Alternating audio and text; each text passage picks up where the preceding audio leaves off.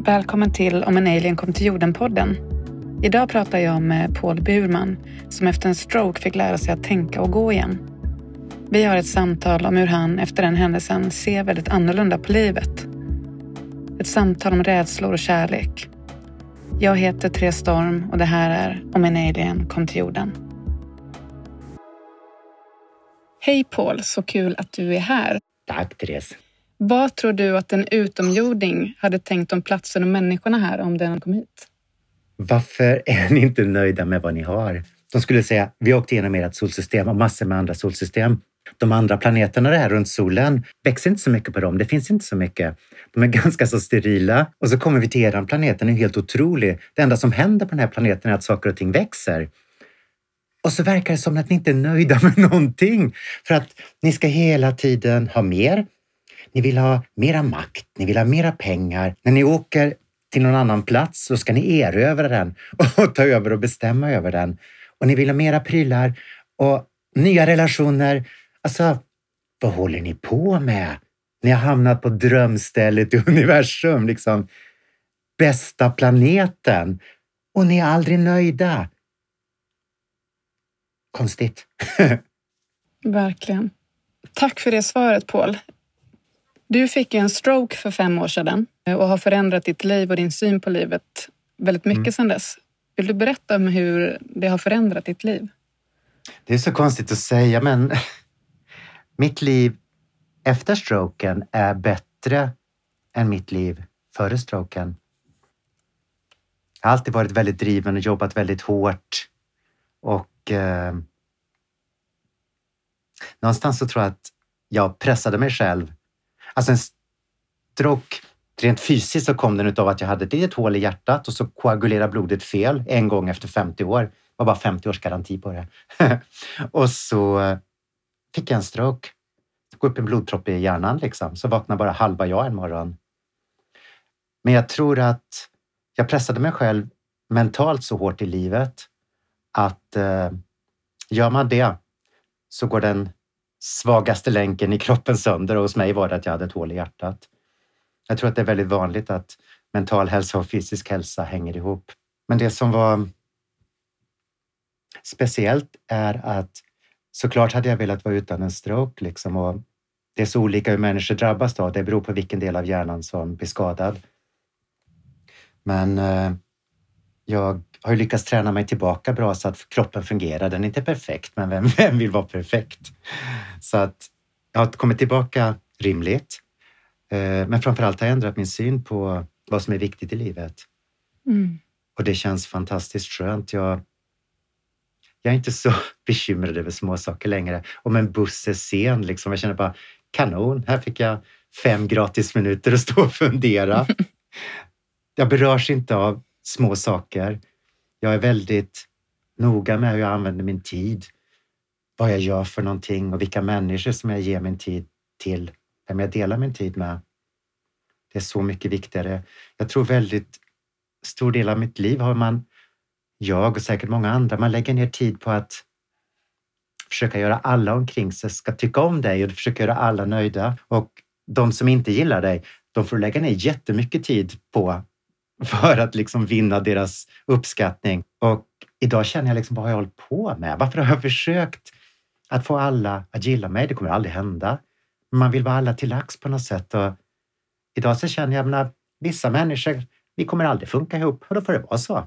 Och så försöker jag istället vara med människor som jag fungerar bra med och ge tiden till dem som jag tycker om.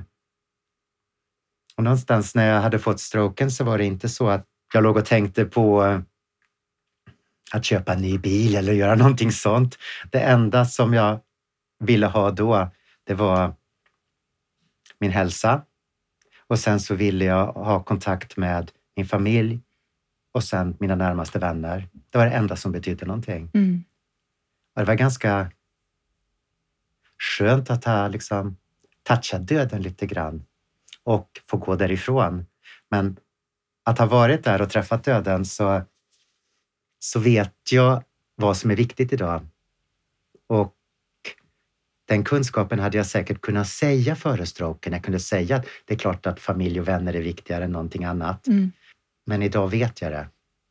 Det är inte Mm. bara en tanke i huvudet, utan nu sitter det i mitt hjärta. Jag vet vad som är viktigt i livet. Och sen var det en annan grej som var ganska cool. Den värsta, värsta av dagarna som jag hade. För det var så här att när hjärnan är skadad så blir du väldigt trött. Det blir väldigt jobbigt allting. Om du ska lära dig gå till exempel igen. Tänk dig att du ska tänka på varje rörelse. Sätta ner hälen, sen ner tån och så sträcka på benet. Att tänka på varje rörelse. Jag var slut när jag hade gått 10 meter. Och en sak kan jag lova dig, jag fattar att bebisar kan vara trötta och gråta. De ska lära sig allting från början. Vilken fokusering och koncentration. Alltså, när jag ser små bebisar gråta, jag känner bara, jag fattar, jag fattar vad du är med om. För att det är en sån svår sak att få ihop hela kroppsrörelsen. Och det kan jag lova dig att jag är så lycklig att jag har varit med om det på ett sätt för att nu vet jag liksom hur helt otrolig kroppen är. Mm. När det inte är en självklarhet att kunna gå utan att du måste lära dig från början så inser du att för plötsligt bara funkade det.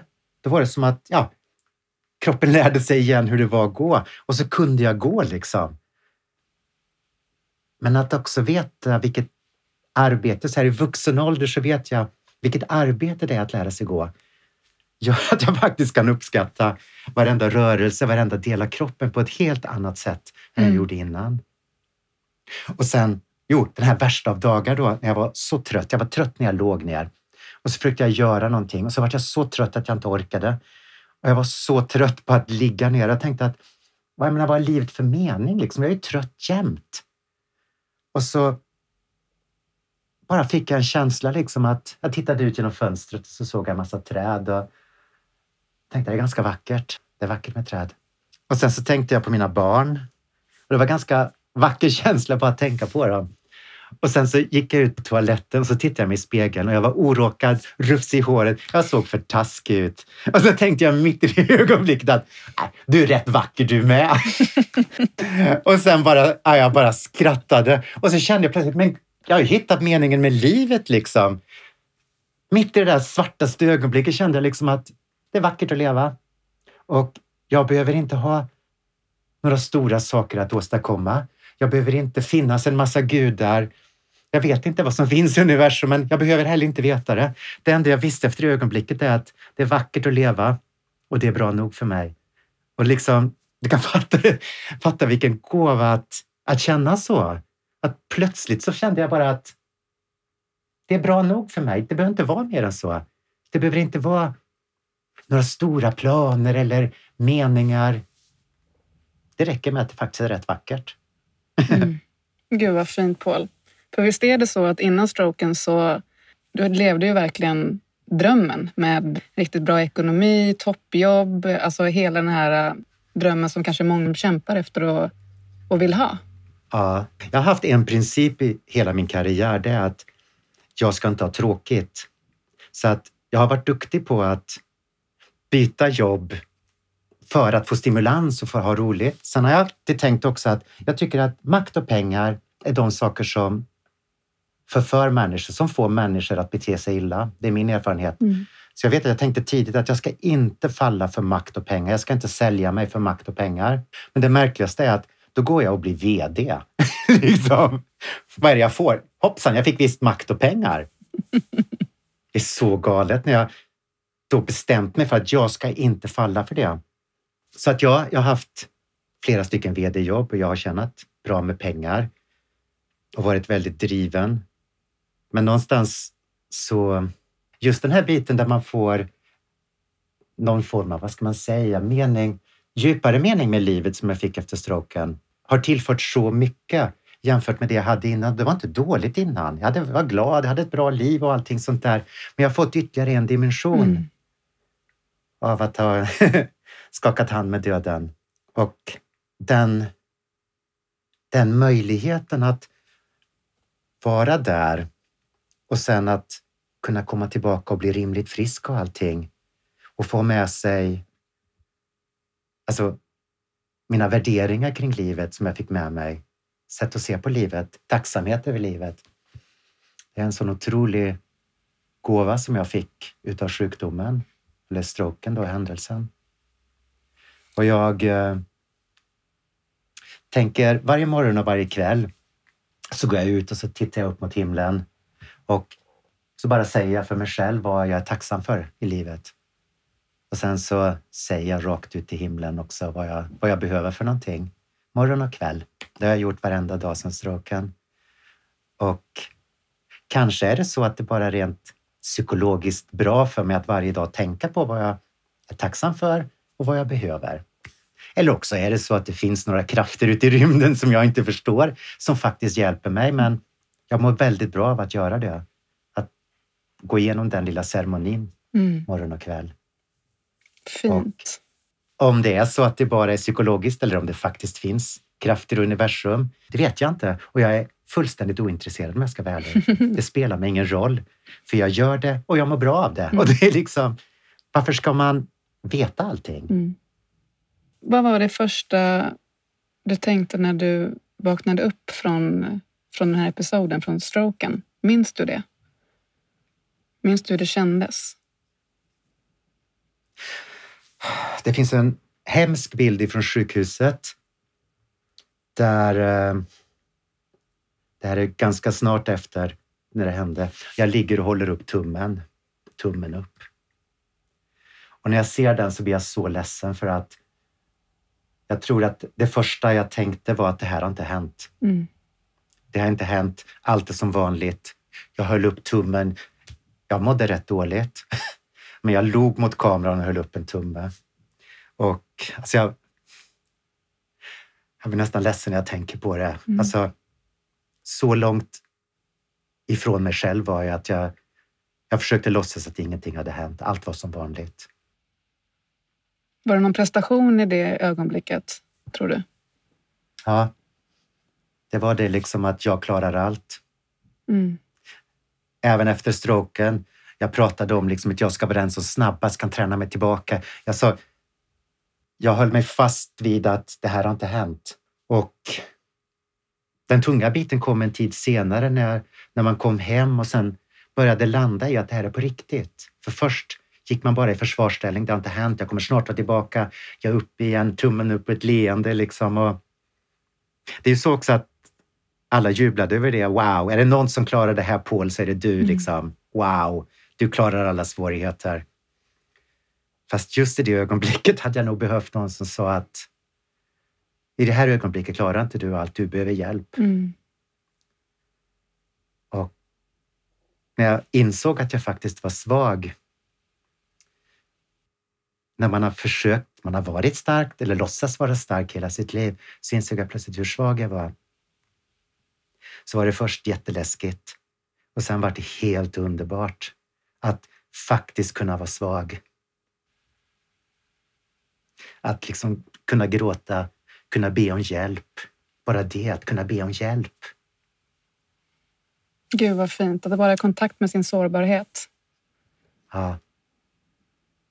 Och jag märkte plötsligt vad andra människor betydde för mig för att efter ett tag, först så säger alla, när man är sjuk och sådär, då säger alla liksom att wow, krya på dig Paul, kom igen och vi tar en lunch när du är tillbaka.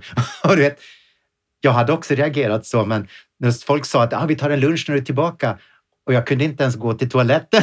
liksom, jag var så sabb. Och jag tänkte, de har ingen aning om var jag är någonstans. Och sen efter första hälsningarna så blev det ganska tyst. För att syns man inte så finns man inte. Och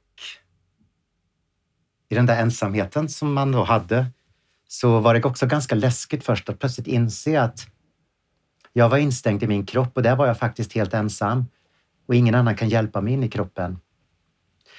Sen upptäckte jag att när jag fick besöka vänner, när de kom in i rummet så var det som att, om jag ska beskriva, för jag hamnade i en ganska djup depression. Det gör man lätt av en stroke, mm. det är en mm. hjärnskada.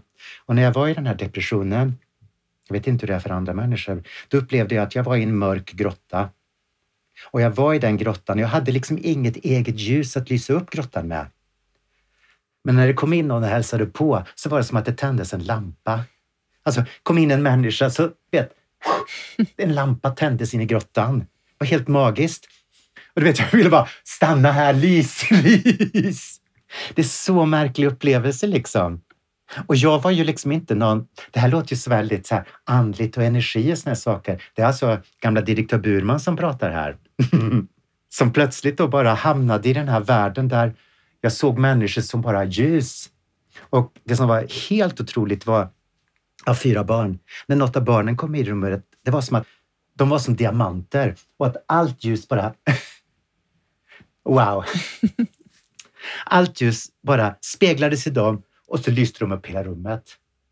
Och det så här, det häftigaste jag varit med om. Mm, wow. Det var så mycket ljus och på något sätt, ja, man kan säga ja, du var nog väldigt glad att se dem. ja, det var jag. Men någon slags energi fick jag utav dem och jag kunde också vila så bra när det kom in någon som jag var trygg med, familjen. Mm. Och det var också intressant för att jag hade svårt att sova när jag var ensam. Och jag tänker att så kanske det var när vi bodde i grottor en gång i tiden att det är klart att jag inte kunde sova bra ensam för det kunde ju komma en orm eller någonting. När man var tillsammans med andra människor så kunde jag vila och det var väl säkert så i grottan också. Men när jag var med min familj, mina barn, när de var här, jag bara somnade som en sten. För då var jag trygg. Mm. Jag visste att de är hos mig. Jag kunde på något sätt lämna över ansvaret för grottan ja. till dem en stund. Men när de kom in och lyste upp som diamanter, känslan jag fick var då att jag hittade vägen ut ur grottan. Mm. Jag fick liksom ljus och jag kunde se en utgång. Så att, vad hade hänt om jag bara hade legat kvar ensam? Jag vet inte, för det var kolsvart. Depressioner är märkliga. Men eh, jag fick ljus av andra människor och jag hittade ut. Ja, vad fint det du berättar Paul. Visst är det så också att du hittade till musiken i det här liksom tillfället efter stroken? Vill du berätta om det? Ja, det är det galnaste av allt. det är så, så häftigt. Men när jag låg på sjukhuset så träffade jag en kille som heter Sam. Han var smed och han hade haft fem hjärtstillestånd och tre strokes tror jag. Så att han sa att han var inne på sitt nionde liv. Och han sa han hade bara en dröm, att en gång få stå på scen och spela sin tolvstränga gitarr. Så jag satt där och lyssnade på honom. Så gick jag in på mitt rum, stod upp mobilen och så började jag sjunga. You can't keep a good man down. Can't keep a good man down. Och så sjöng jag in en låt. Och jag tänkte, vad var det här? liksom, jag har aldrig gjort några låtar förut. Jag hade sjungit för barnen. Liksom. Och så kom det en låt till i huvudet. You gotta give good things to a better man. Give good things to me. Och så satt jag och sjöng en sång till. Och sen bara, du vet, kom det sånger. Jag tänkte, det här är ju, nu är jag verkligen hjärnskadad. Liksom. Jag bara sjöng och det var som att varje sak jag upplevde vart det så mycket känslor i mig så att jag var tvungen att få ut det. Och så stod upp med telefonen och sjöng i den. Och, ja, det är så häftigt. Och sen så kom det förbi en kompis. Ja, det var det lustigaste. Jag sa, jobbar inte du med musik? Jo, sa han. Jag sitter och sjunger i telefonen liksom. Så lyssnade han på det och, och så sa han, men det här är ju bra, liksom. det är fantastiska texter och jättebra musik och du sjunger bra. Liksom, och häftig story att du nästan dör och börjar sjunga. Så att om du skickar det till oss så kan vi ge ut det. Och sen visade det sig att han jobbar på världens största skivbolag, liksom Universal. Helt sinnessjukt. Och så har jag gett ut musik och det har blivit en väldigt, väldigt glad del av mitt liv. Och det är också någonting som jag gör utan att vilja prestera någonting. Jag vill inte tjäna pengar på det, jag vill inte kommersialisera det. Jag känner inte att någon behöver säga att min musik är bra. Jag känner att om en person säger att den är bra blir jag glad. Om någon säger att du är dålig, så ja men såklart, jag har aldrig gjort det här förr. liksom. Jag känner mig liksom osårbar när jag sjunger. För jag har aldrig påstått att jag är bra. Jag har aldrig bett någon att lyssna på mig. Jag, jag gör musik och lägger ut den och vill man lyssna får man det. Men ska jag vara ärlig så sjunger jag faktiskt bara för mig själv. Mm. När jag tar upp en telefon, jag har säkert 200 låtar i telefonen och sånt där. Tar jag upp telefonen och sjunger i den så är det bara för att jag vill uttrycka någonting som känns. Och jag har aldrig haft en tanke på att någon ska lyssna på det jag sjunger i min mobil. Liksom. Utan det är bara för mig. Även om det bara är för dig, Paul, så är det ju så att du har en ganska stor fanbase i Sydamerika. Hur kommer det sig? Livet tar sina egna vägar. Ja, när musiken släpptes så hände väl ingenting i Europa och sådär. Jag sa också att jag inte ville göra något i Sverige för jag kände att jag ville ha det ganska lugnt och skönt. Efter en, det är så galet. Efter en stroke så vill man ju inte ha... Man blir överkänslig för allting. Jag kan berätta mer om det sen om du vill, men man vill ha lugn och ro. Och så sätter jag igång och sjunger liksom. Och, ja, fick en massa uppmärksamhet och det som hände var just att uppmärksamheten kom i Sydamerika. Där ja, det fullständigt exploderade liksom. Jag hade lagt upp några videos på, på, på Facebook där jag sitter och sjunger och eh, en av dem, det sa bara swish. Den hamnade liksom hos några i, i Sydamerika och så började de dela och så delades det. Och sen plötsligt, nu är det ju så över två miljoner som har sett den här Facebook-videon. Jag sitter och kör bil och sjunger och jag tror att det är en av de mest en av de mest sedda videosen av någon svensk artist på Facebook. Och eh, sen vart, jag fick peruansk tv-syn på något sätt på att det var massor med kvinnor i Peru som lyssnade på en svensk sångare. Så att jag var bjuden till Peru. så jag åkte dit och jag var med i tv och jag hade konserter med peruanska musiker. Och... Wow, vilken resa Paul! ja, det var så häftigt. Och sen eh, efter det så vart jag upptäckt i Brasilien, så var jag på turné i Brasilien och spelade och var med i tv där också. Och eh, ja, det, det är häftigt. Det är jättemånga medelålders kvinnor i Sydamerika som gillar min musik. Och det är rätt bekvämt eftersom jag också är medelålders. Och det var min agent i Brasilien sa att det de gillade var att jag var annorlunda som man.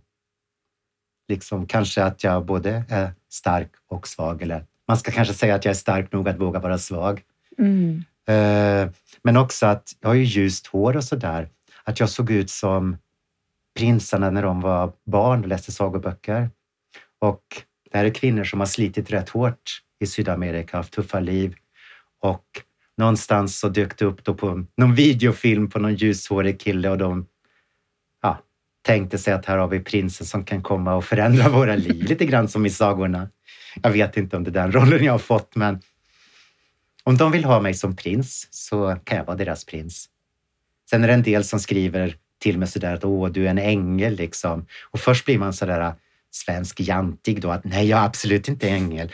Jag är bara en vanlig pol. Men så kom jag på att om de vill ha en ängel och skriver till mig att jag är en ängel, tackar jag för det. För jag vet inte mm. vad det innebär att vara en ängel. Men vill de ha en ängel här i Sverige så kan jag vara deras ängel. Jag säger inte att jag är en ängel, men vill de ha det så kan jag vara det. Och vill de ha en prins i Sverige att skriva till, för det, de skriver otroligt mycket. Jag försöker svara så många jag kan. Men vill de ha en prins i Sverige så kan jag väl vara det. De blir glada av det. Så att, varför ska man säga nej? Det är det här konstiga när, när folk får beröm så säger man vad, vad fin mm. du är idag. Då säger folk äsch, inte jag inte. Det är så korkat. Det är så korkat. Om någon säger till mig idag, liksom, fin tröja du har, så säger jag, ja men tack, jag tycker också den är jättefin. Liksom, när någon säger något snällt så får du en present av dem. Då ska ja. man tacka för den, man ska inte säga emot. Liksom. Vi ska vara så blygsamma och liksom, nej jag är inte alls finklädd idag. Liksom så här, varför säger man så? Korkat! liksom.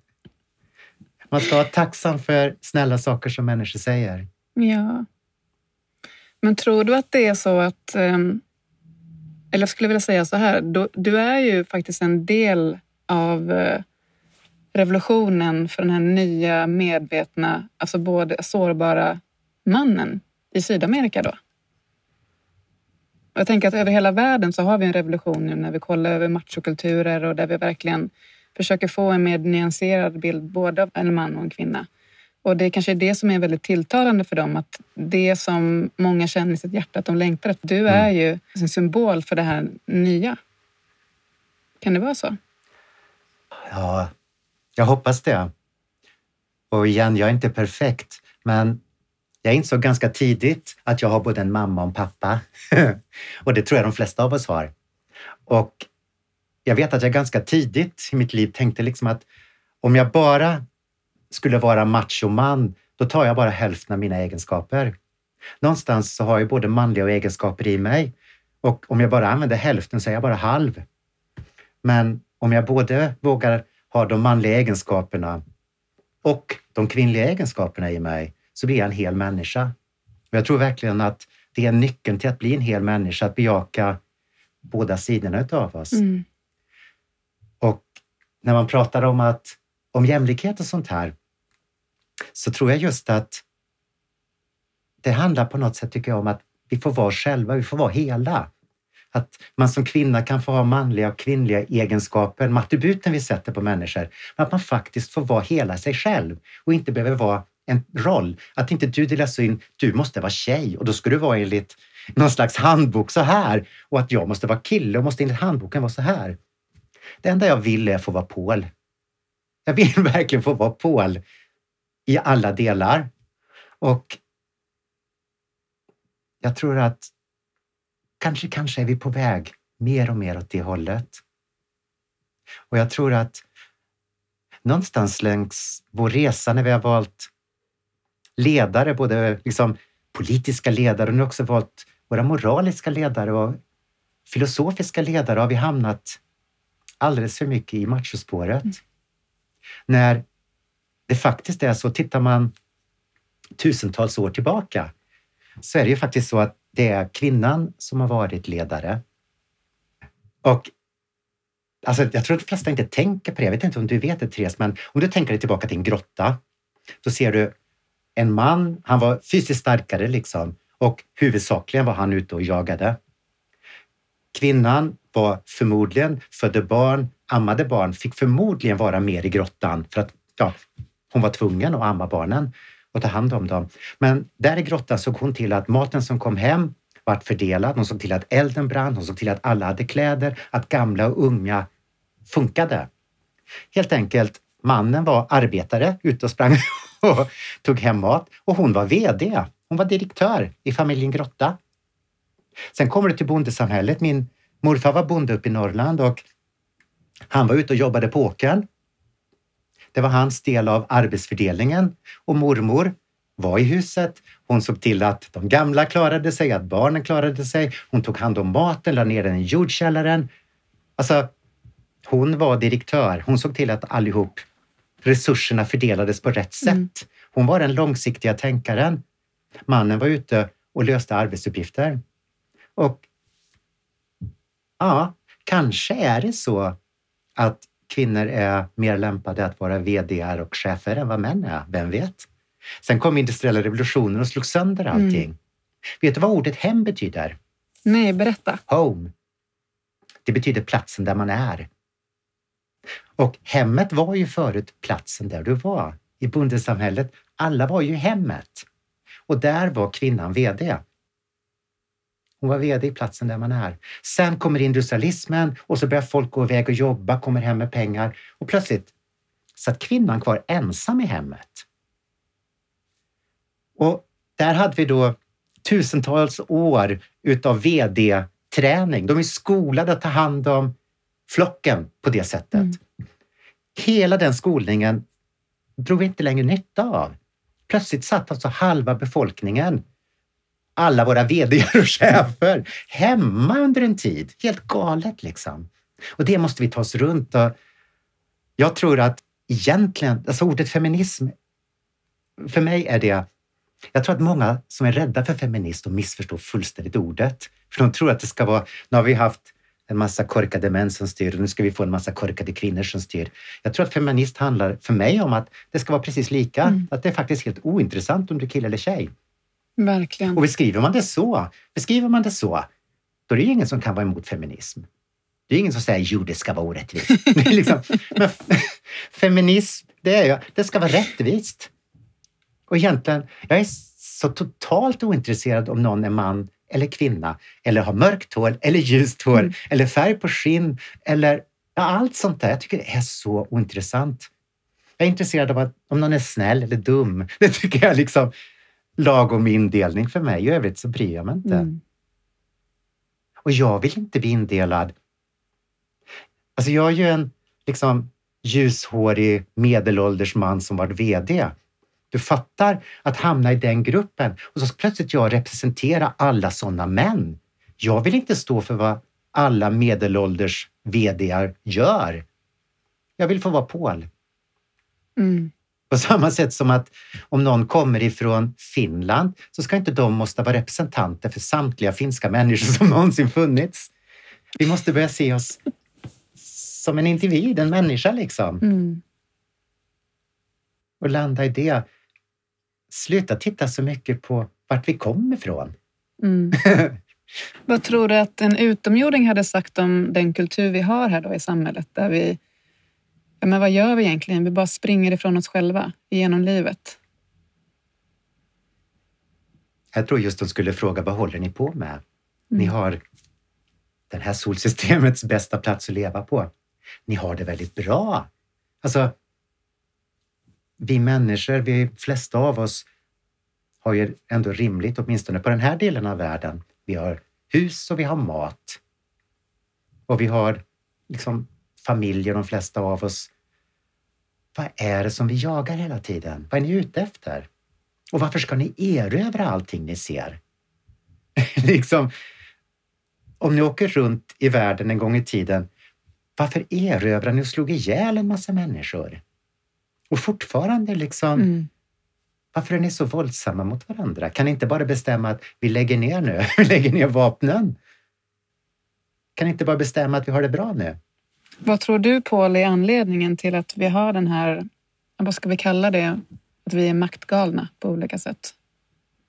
Det är den värsta egenskapen som ligger bakom allting som jag vet och det är rädsla. Människor är så rädda så vi bygger upp murar, vi bygger upp hinder. Om det kommer några vi inte känner igen, då blir vi jätterädda så vill vi jaga bort dem.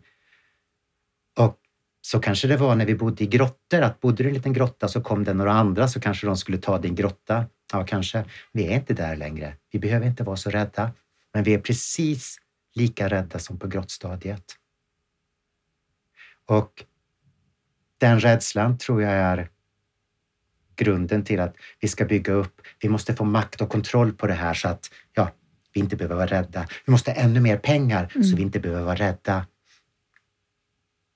Jag tror att när man blir riktigt, riktigt modig så känner man att man inte behöver makt och pengar. Titta på de som vi tycker är väldigt speciella, gurus och sånt här som går ut och sätter sig någonstans.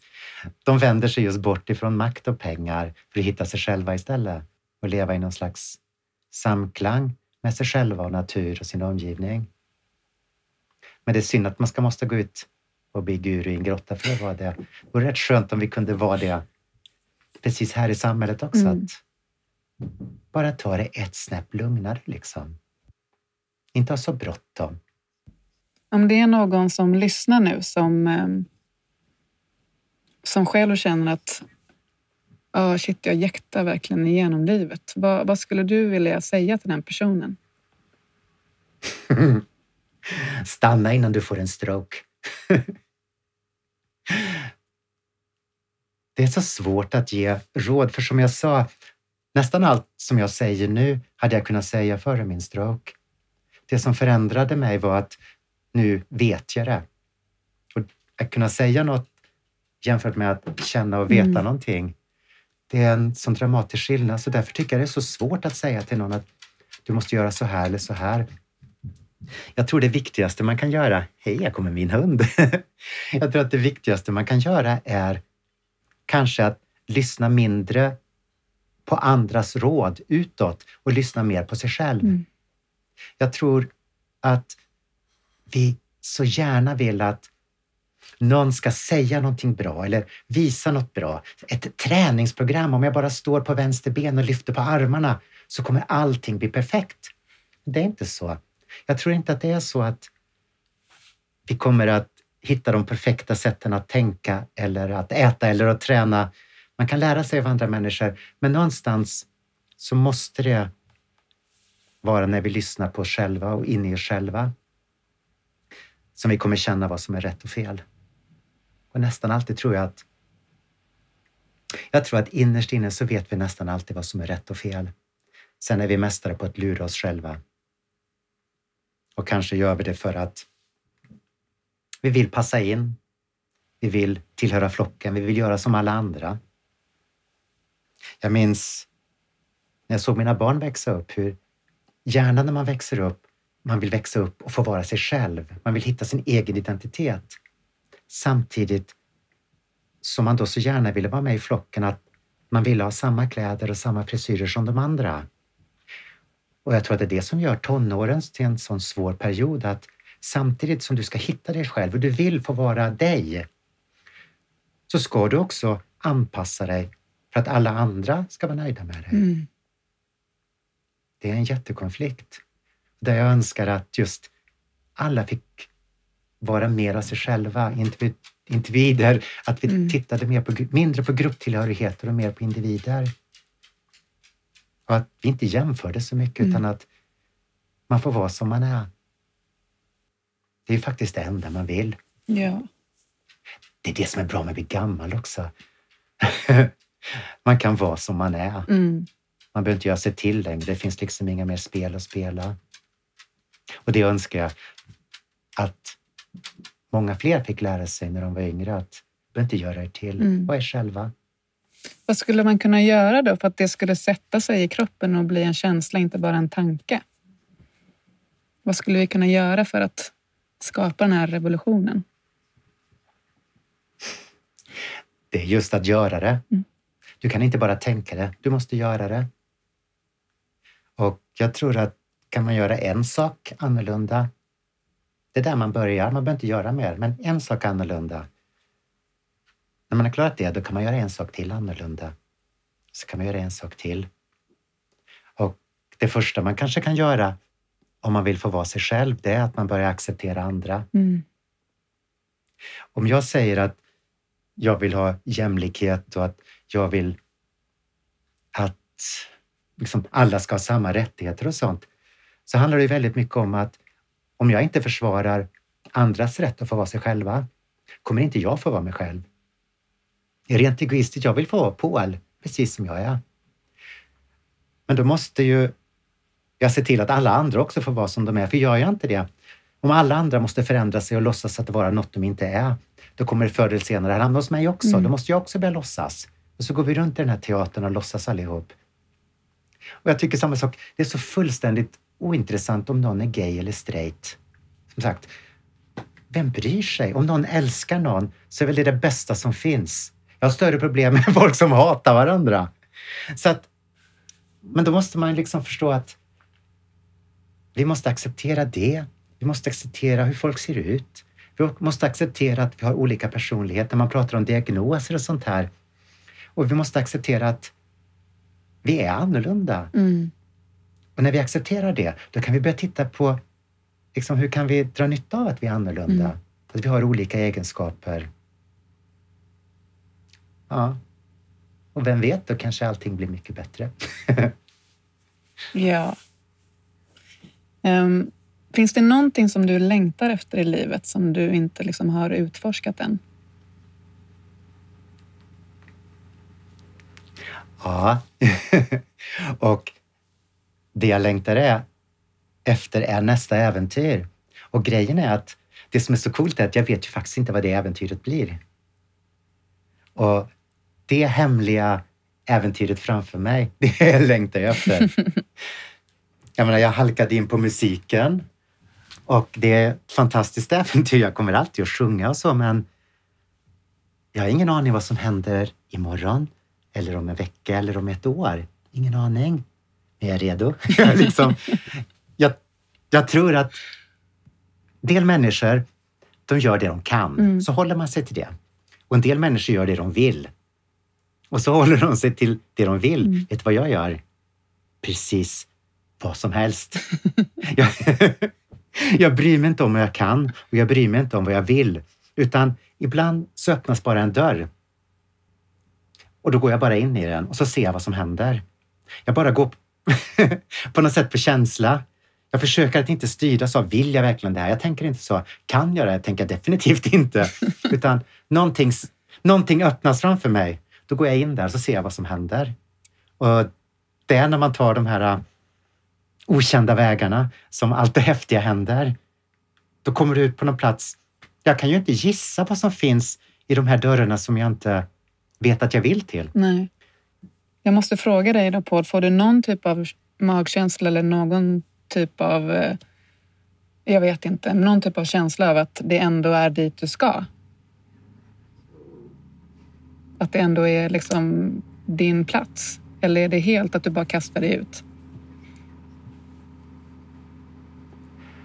Det är nog väldigt mycket att jag bara kastar mig ut.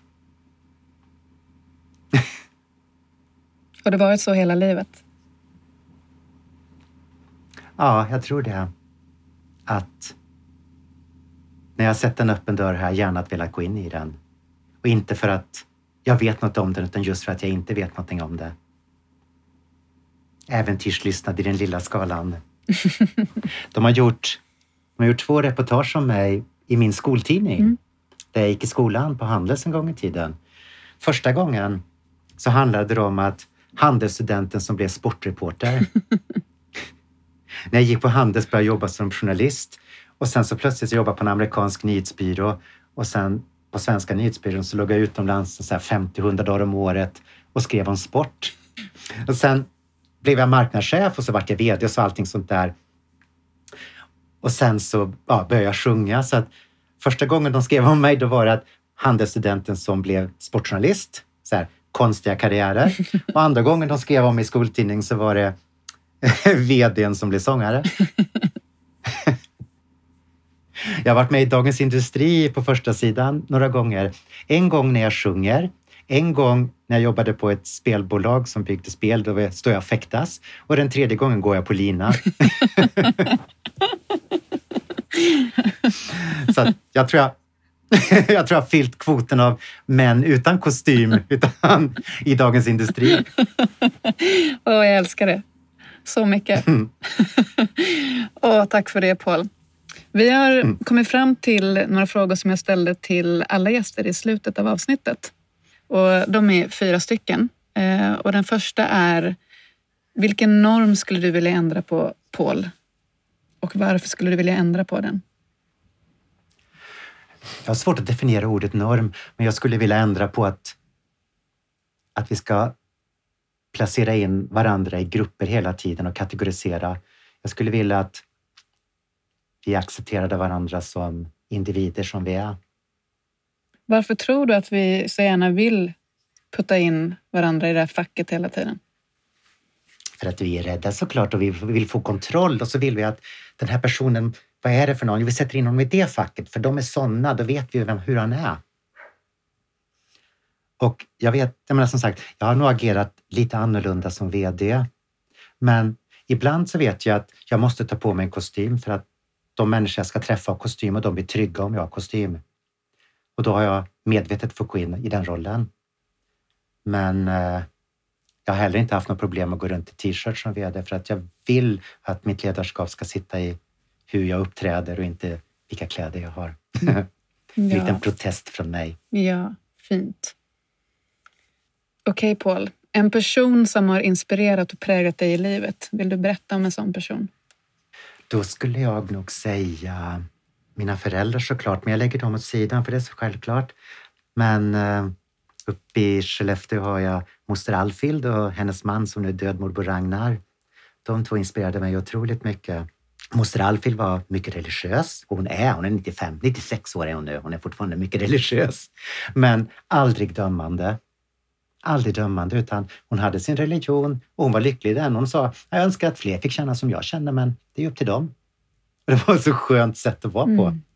Och hennes man Ragnar var otroligt positiv människa. Du vet, han fick eh, sån här påse på magen. Och då kan ju folk bli liksom väldigt ledsna. Det kan man bli. Man får bli mm. ledsen. Men han sa, hur är det Ragnar? Jo, det är helt otroligt. Kolla, vet, de har opererat mig. De har satt en påse på magen. Helt otroligt! Den funkar, då kan man tömma så här.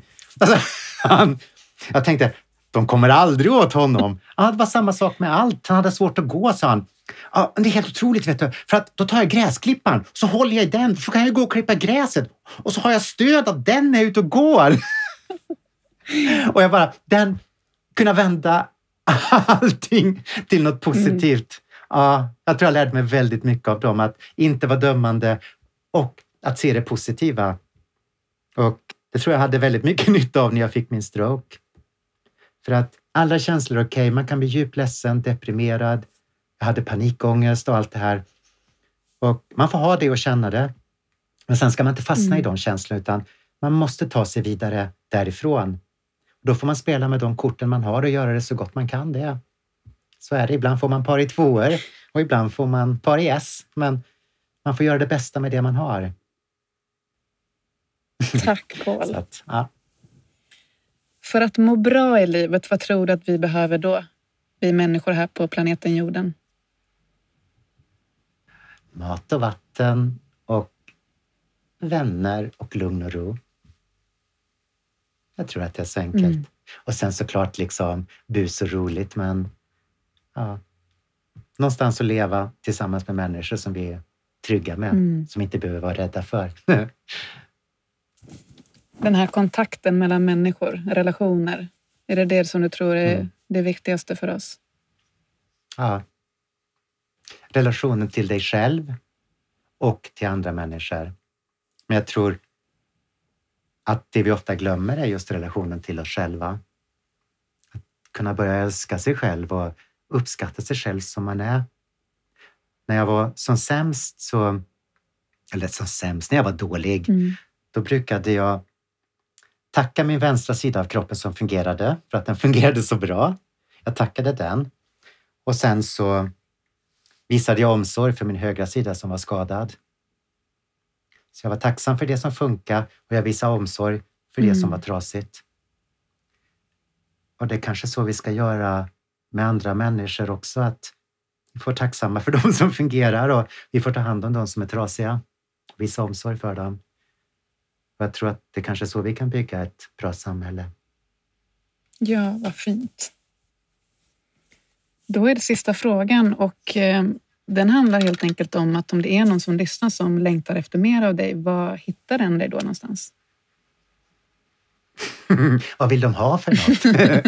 jag finns på Youtube, jag finns på Instagram lite grann. Men där alla mina fans hittade mig var på Facebook. Där Paul Strong Band är mitt namn där. Där hittar du mig. stort, stort tack för idag. Det har varit så fint att ha det här samtalet med dig, Paul. Mm, detsamma, Therese.